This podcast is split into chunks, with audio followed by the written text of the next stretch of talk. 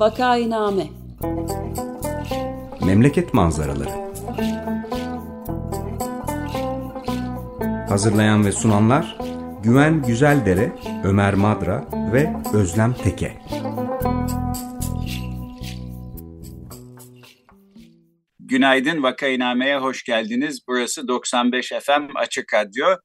Vakainame'yi Ömer Madra, Özlem Teke ve ben Güven Güzeldere birlikte hazırlayıp sunuyoruz. Bugün Özlem Teke bizimle değil.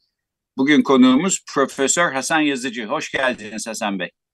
Hoş bulduk, hoş bulduk. Teşekkür ederim. Merhaba Hasan, hoş geldin. Merhaba Ömer kardeş, merhabalar. Merhabalar. Şimdi biz e, geçen hafta e, Profesör Serdar Değirmencioğlu ile yaptığımız e, konuşmada, programda e, ki derlemiş olduğu üniversitede direniş ve dayanışma başlıklı bir e, kitaptan bahsediyorduk. E, İhsan Doğramacı'nın adını geçirdik. E, intihal konusu gündeme geldi. E, şimdi de o zaman e, bu e, konunun aslında baş aktörü olan Hasan Yazıcı'yı e, konuk etmek istedik. Ben e, Özlem Hanım'da olmadığı için kısa tanıtımını e, ben yapayım. Türkiye'de romatoloji bilim dalının e, kurucularından e, Hasan Yazıcı uzun yıllar Cerrahpaşa Tıp Fakültesi'nde çalıştıktan sonra 2012'den e, beri e, emekli ama çalışmalarını sürdürüyor. Özellikle Behçet hastalığı üzerine çok sayıda bilimsel yayını var. Pek çok e, ödülü var. E, Türkiye Bilimler Akademisi Bilim Ahlak Komitesi ve İstanbul Üniversitesi'nin Etik Komitesi e, kurucu e, başkanı aynı zamanda. E, bir de bugün e, hakkında konuşmak istediğimiz 2020'de iletişim yayınlarından e, çıkmış, yayımlanmış bir kitabın yazarı. Bu kitabın başlığı bir aşırma, parantez içinde intihal, e, alt başlığı da doğramacı yazıcı davası ışığında yargımız, aydınlarımız.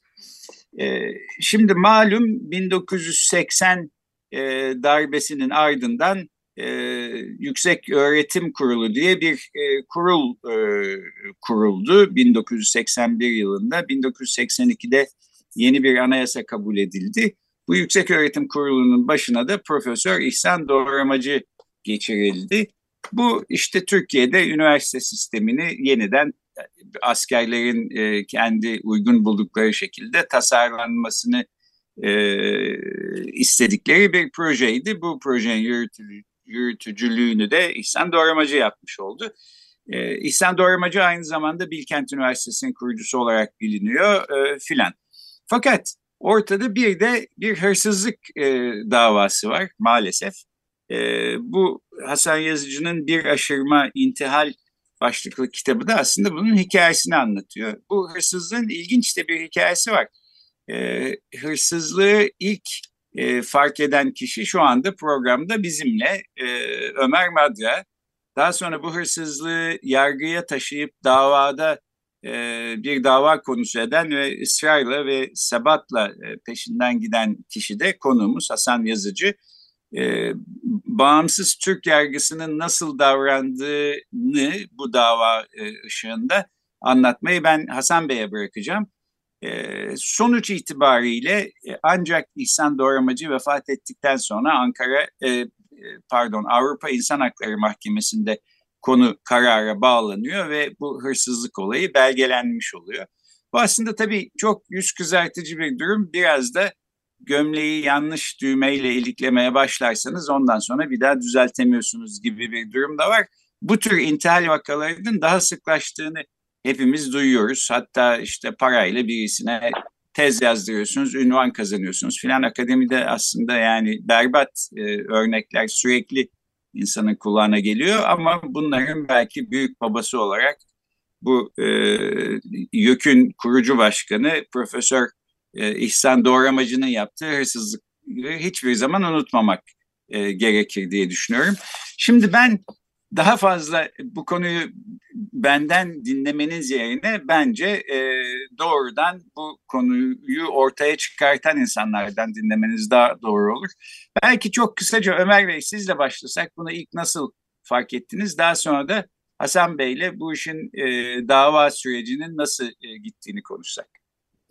Ya evet yani çok e, ayrıntılı bir hikayesi de yok tam bir ailevi şey yani insan çocuğu olduğu zaman ilk oğlum olduğu zaman o 1969 doğumlu Cem Madra doğduğu zaman işte nasıl büyütücü çocuk falan diye tecrübesiz insanlar olarak e, Benjamin Spock'un o dönemin en önemli en çok satılan kitaplarından birisini edindim. İşte İngilizce de biliyoruz filan şey yapabiliriz diye etraflıca inceleyebiliriz diye fakat bir de Türkçesinden de bakalım bir de Türkçe Türkiye'de neler biliniyor bu konuda diye filan ve tesadüfen de işte İhsan Doğramacı'nın kitabını aray ar aramaya bile lüzum yoktu biliniyordu. O sıralarda sorduğunuz zaman yani çocuk bakımı konusunda bir kitap var mı Türkçe'de diye sorduğunuzda bir kitap evine veriyorlardı. Ve e, büyük bir hayretle ikisinin e, sunum dahil aynı olduğunu e, dehşetle fark ettim. Ve bundan da tesadüfen e, böyle şeylere de alışık değilim. Böyle olayların da olabileceğini de düşünemeyecek yaştaydım herhalde ve saflıkta diyelim. E, işte bundan yakın o zamanlar yakın arkadaşım olan müteveffa Uğur Mumcu'ya da bahsettim. Çünkü o tanı ben e, doğramacıyı tanımıyordum da o zamanlarda Hacettepe meselesinden.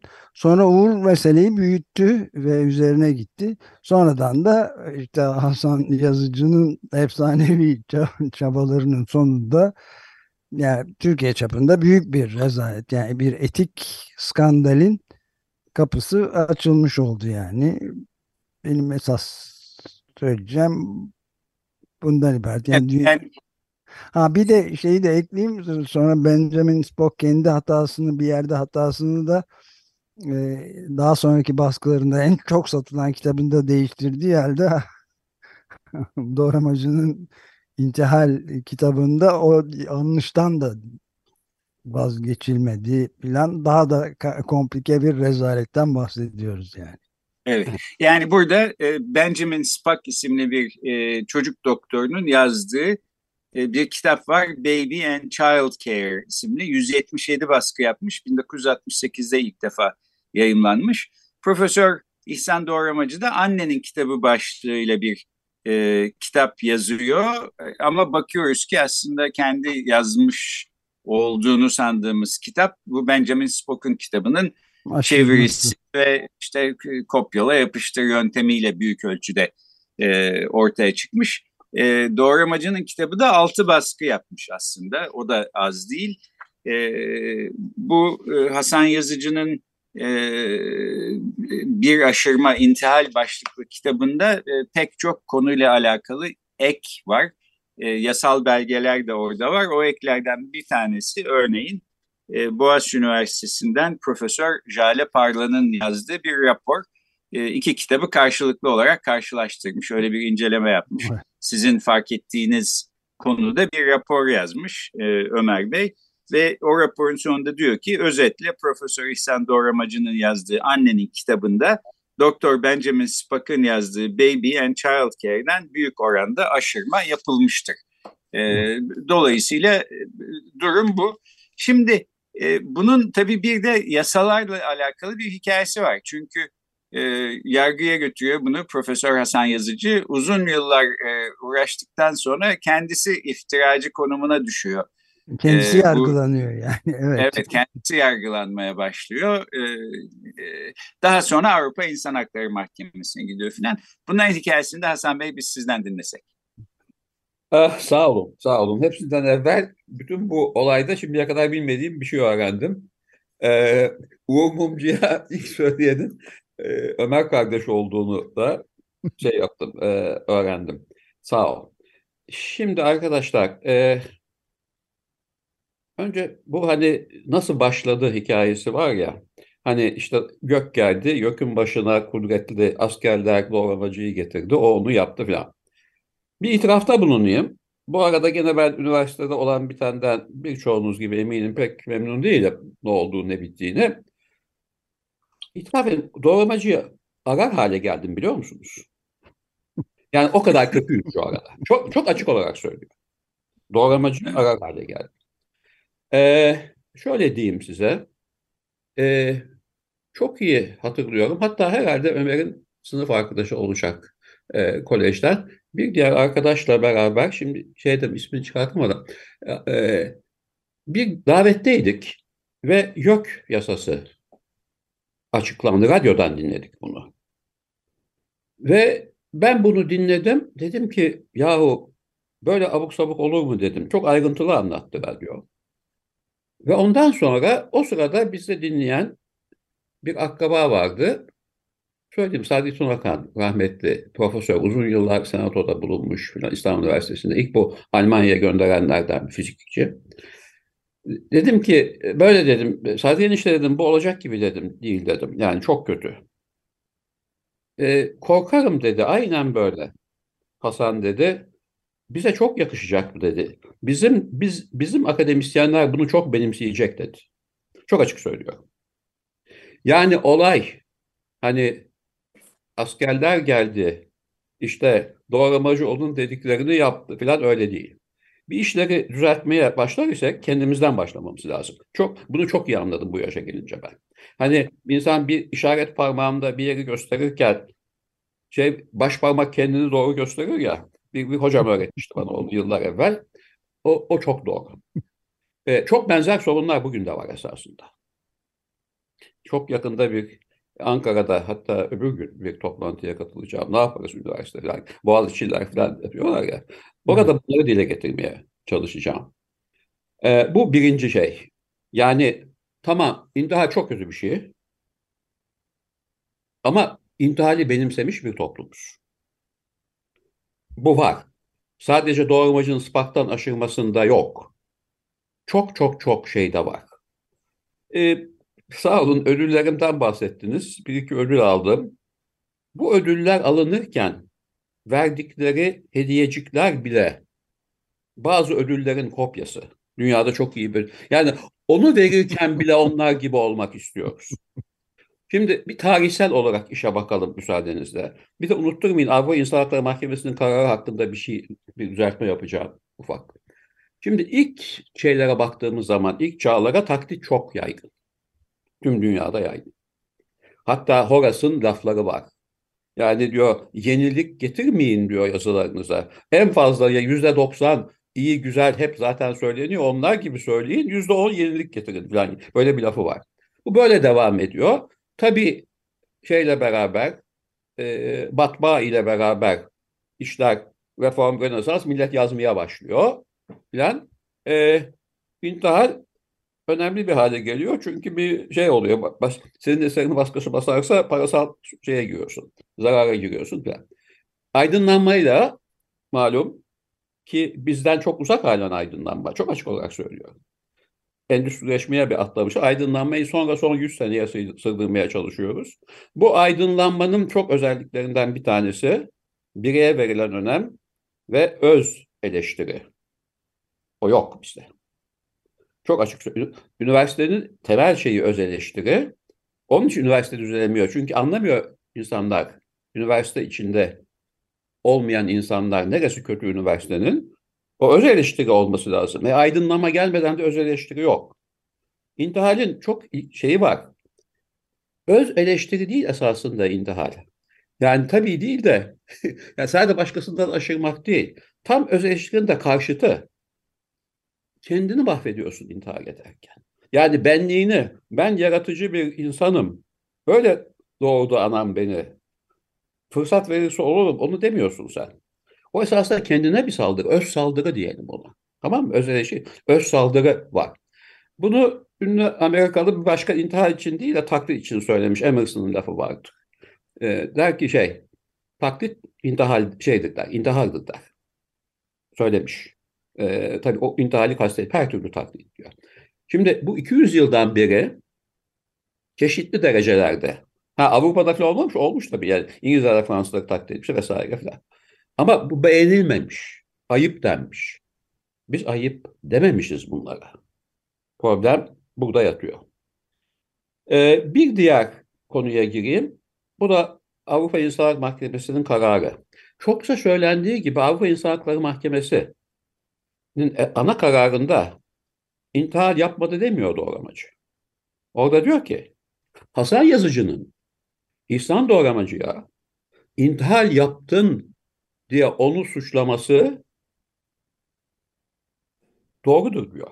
Hasan Yazıcı'nın buna çok hakkı vardır diyor. Çünkü Hasan Yazıcı diyor bu işle ilgilenmiştir diyor. Etik kurul başkanlığı yapmıştır diyor. Şunları bunları yapmıştır. Esas davayı bozması ve benim doğramacıya ödediğimin maalesef Türkiye Cumhuriyeti'nin bana geri ödemesi birkaç katıyla ondan dolayı. Yalnız gene Avrupa İnsan Hakları Mahkemesi kararında çok önemli bir yer var. Bu önemli yerde şu böyle bir araya sokuşturmuşlar onu yargıçlar Avrupa İnsan Hakları Mahkemesi. Tamam diyor biz diyor işte böyle diyor ama diyor doğrusu diyor Türk yargısının ve Türk yargıçlarının neye intihar dediklerini pek anlayamadık diyor. Esasında bence yüz kızartıcı olan yer burası. Bekliyoruz. Ben bir zamanlar rektör olacağım diye dolaşıyordum İstanbul Üniversitesi'nde etrafta dolaşıp şu meşhur T'yi söylüyordum. Hani hepimiz şey yapıyoruz ya e, işte İstiklal Marşı'ndan evvel bir T çalır ayağa kalkarız filan.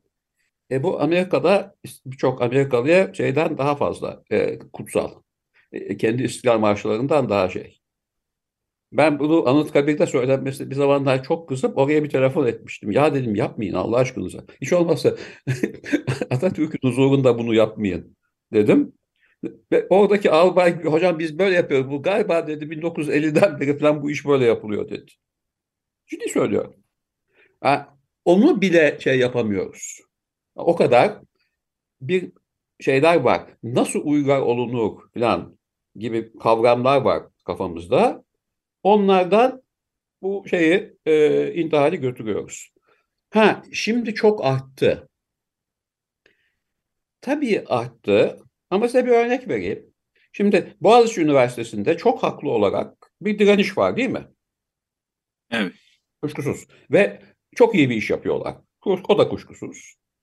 Ama ilk rektörlerine şey yaparken, e, haklı olarak kızarken onun bir şeyin intihar olduğundan bahsediliyordu. Bir veya iki şeyler gazetelerde çıktı. Ama o doktorayı verenler de Boğaziçi Üniversitesi öğretim üyeleriydi. Evet. Eğer şey yapar, öz eleştiri eksik orada. Yani kimse çıkıp da Boğaz içinde o sırada tamam bu adam kötü ama bir de bizim aramızda direniş yapmıyor yapmıyor bilmiyorum onları şeyleri. Göz yumanlar bu intihale.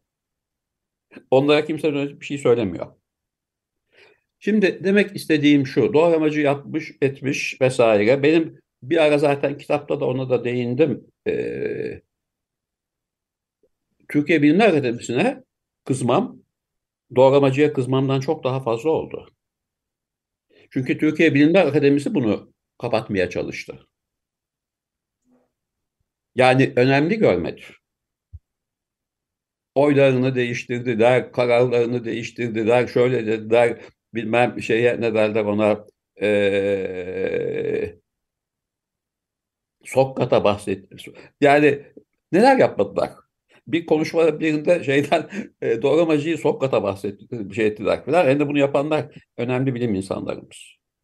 Böyle e, bur burada pardon bir ufak ilave yapayım mı? Bir soru ya daha doğrusu Hasan. E, yani e, bu Türkiye'de yüksek öğretim kurumu gibi son derece ağırlıklı olarak gelen ve antidemokratik üniversite eğitim geleneğine ve aydınlanma meselesine de uygun olmayan bir kuruluşun başındaki insanın bu e, olay ortaya çıkmasıyla beraber hala eski şeyini sürdürüyor olması ve kurumun bunca zamandır canlılığını da bugün bile sürdürüyor olması asıl belki de üzerinde asıl üzerinde durmamız gereken şey bu. Güzel Ömer, ama bak unutulan bir şey var. Hep denir ki YÖK şeyini, yasasını doğramacı yazdı. Hayır. 1978 yılında ben İstanbul Üniversitesi'nde yeni doçentim. O zaman kurullara yeni yasalar gelirdi. Ve Necdet Uğur o sırada hazırladı bu yasayı. %75'i 80'ini. Hatta geçenlerde galiba Kemal Gürüz'le konuşup bunu da doğruladım. Doğrudur dedi. O taslağı benimsedi. Yani 1900 YÖK'ün taslağı sonra doğramacı övülerek ben yaptım onu dedi ama değil. AK Parti hükümet tarafından getirildi. Ve hatta ben üniversitede bu fakülte kurulunda şey yaparken ya nasıl olur işte e, şeylerin üniversite hocalarının gelirlerinin paylaşılması bu de dediği gibi olmaz vesaire gibi laflar ederken şey bu adam yeni doçent 3 aylık niye bu lafları söylüyor dedilerdi. Yani demek istediğim tabii çok kötü oldu. Tabii şey otoriter rejim 1980 çok kötü şeyler yaptı. Biz daha geriye gittik. Bunun hepsini şey 40 yıldan beri o var. Ama bu işleri düzeltmek istiyorsak çok ciddi söylüyorum evet. Bu bugünden itibaren o öz eleştiriyi aydınlarımız başta olmak üzere yapması lazım.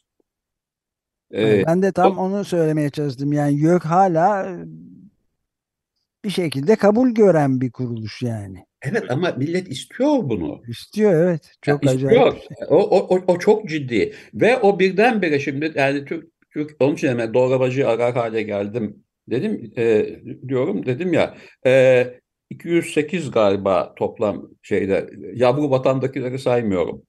Tamam mı? E, da evet. e, o patırdı gürültü içinde neler neler oldu? Sayı işte bilmem galiba Türkiye'de yüzü aşkın tıp fakültesi falan var. Almanya'da 35 tane şu var. Bir, şey, bir, muazzam bir zaten hep içimizde vardı. Kariyerizm vardı. Galiba dün ilk defa e, Sayın Kılıçdaroğlu kariyerisinden bu generaller hakkında konuşurken bahsetti. Halbuki benim en büyük temalarımdan bir tanesi bugünlerde ama ya ne yapalım şu kariyerizm mahvediyor bizi. Kariyerizm sadece orduda olmuyor. Kariyerizm dik alası. Ama perçinlenmiş üniversitede var. Evet. Onu düzeltmeden hiçbir yere gidemeyiz diye düşünüyorum. Yani e, doğramacı olayı hakkında esasında o intihal hakkında şey ettiklerim bunlar. Ama orada doğramacı kadar Türk aydın suçlu gibime geliyor. Çok açık olarak söylüyorum. Hmm. Ve onu düzeltmeden onunla onun hakkında bir şeyler yapmadan e, ve bunun başında da az çok aydın dersem kendime öz eleştiri yapmamız lazım. Öz eleştiri kavramı yok ortada. Hiç böyle bir kavram yok. Öz eleştiri yapmadan, onu alışkanlık hale getirmeden e, şey yapmamak. Bu olan biteni demin bahsediyordum. Hatta buraya ilk çevirdiğinizde benim yeni kitaptan bahsedecek diye düşündümdü ben. E, bir Cerrahpaşa anılarımı yazdım. Onun da adı biraz ayıp bir ad. Bir anaya dayanmıyor. Kitabın adı Sana Ne Lan dedi diye bir kitap. Ama bu bana söylenmiş kitap. Yani ve e, e, habire bu arada işte bunları hatta biraz belki Tuban'ın da bana söylediği laf. Sana ne lan yani şey doğramacı aşırmışsa aşırmış. Bunu yapmışsa yapmış hikayesi. E, onun etrafında toplamaya e, çalıştım filan ama e, hatta daha da düşündükçe e, daha da yazmak istiyorum bu konuda. Çünkü bu bu şeyi kayıp bu bu eleştiri şeyimizi öz eleştiriyi yakalamadan ucundan e, bir yerlere gideceğimizi hiç sanmıyorum. E, evet. O eleştiri yapmadan bireyciliğimiz gelişemiyor. Bireycilik gecik şey de olmuyor. Yani şeyi seyrediyorsunuz işte bakın şeyler konuşuyorlar. E, Salı günleri parti toplantıları var değil mi? Evet. Parti, hemen bütün partilerde. Ne oluyor? Parti başkanı konuşunca iyi bir yere geldi mi herkes alka, ayağa kalkıyor, alkışlamaya başlıyor. Haddim mi ayağa kalkmamak? Çok ciddi söylüyorum ya. Bu biraz batıda da şimdi yerleşmeye başladı. Amerika'da aynı şey oluyor. Bir katılmak şeyi var. İyiye de kötüye de katılıyoruz. İçgüdüsü var. O neden? Bireyin gelişmemesinden. Onun için bana bu şeyleri sağ olun, bu şeyleri doğramacı olayı hep onları hatırlatıyor. Ben biraz doğramacıyı az çok şey yaptım. Ee, geçmişte bıraktım da e, ve doğramacının doğramacı yetişti, yetiştiği o ortamı şey yapmaya çalışıyorum. Daha çok onun hakkında laf söylemeye e, çalışıyorum. Çünkü yani güven iyice, iyice doğramacılar yetişir Ömer. Eğer şey olursa böyle gider. Evet. Bitirirken yani birkaç dakikamız kaldı. Ee, Bitirirken Güven Bey e, ben- e, benden başka yani bir tek siz konuşamadınız. Pardon ben Ee, çok konuştum. Estağfurullah. Hayır estağfurullah. Kitabın içinde bir noktada e, İhsan Doğramacı ile iki kez nasıl karşılaştığınızı anlatıyorsunuz Hasan Hı. Bey. Bunun ikincisinde e, Doğramacı'nın yaptığı bir yayın hakkında konuşuyorsunuz filan. Yani iki akademisyen hekim arasındaki bir sohbete dönüyor konuşmanın. E, YÖK Başkanı ile bir e, doçent ya da profesör arasındaki bir konuşmadan ziyade ve e, bunu da sizin bu öz saldırı e, kavramınıza bağlayacağım. Yani sizin de anlattığınızdan görüyoruz ki İhsan Doğramacı yurt dışında iyi bir eğitim almış, Hı. e, hekim olmuş, Türkiye'ye geri dönmüş bir insan ve intihal yapmayı seçmese yani o kitabı annenin kitabını kendisi yazamaz mıydı? Tabii ki yazabilirdi. E, üstünde de böyle yüz kızartıcı bir leke kalmamış olurdu ama e, intihal yapmayı seçmiş. Fakat şu dediğiniz bence çok doğru. Yani bu bir tek İhsan Doğramacı ile başlayan ve biten bir olay da değil. İşte yargı bunu yıllarca e, bir türlü karara bağlayamıyor. En sonunda sizi e, e, suçlu buluyor. E, intihali ortaya çıkartıp işte bu- bunun davacısı olmanız yüzünden filan. Böyle bir genel kabul var sahiden. E, sizin de bu intihal kitabının en sonunda e, aydın sorumluluğu diye yazdığınız bir bölüm var. Orada da işte bu konunun aslında hepimizin e, yüz kızartıcı bir suçu olduğunu söylüyorsunuz. E, doğru da söylüyorsunuz. Yani şimdi bu işin peşinden bu kadar sebatla gitmeseniz belki çoktan kapanmış olacaktı. E, en azından bu şekilde bir e, yargıya taşınmış oldu. İşte bir, bir not düşülmüş oldu yasal tarihe filan. E, bu bakımdan da ben kendi adıma e, Türk Akademisi adına da aslında bir teşekkür etmeyi borç biliyorum size. Çok Evet. kısa bir cümle söyleyebilir miyim? O da şu. Lütfen. E, çok hakkınız var. Onları çok iyi anımsıyorum.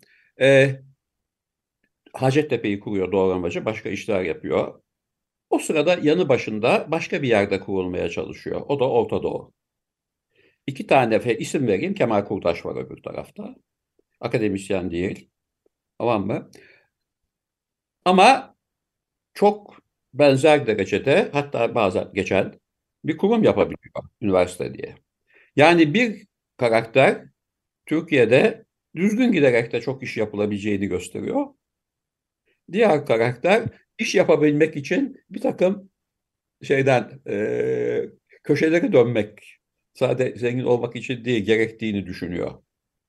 O, zaman bahsederken Kemal Kurdaş'ı ki gayet iyi biliyorum. Orta Doğulular daha sonra özür dilediler bile Kemal Kurdaş'tan yıllar sonra biraz şeydi karşı çıkıyorlardı filan. Çok şey katım. Yani mütevazi olup işini yapıp çok iyi üniversite kurmak da mümkün.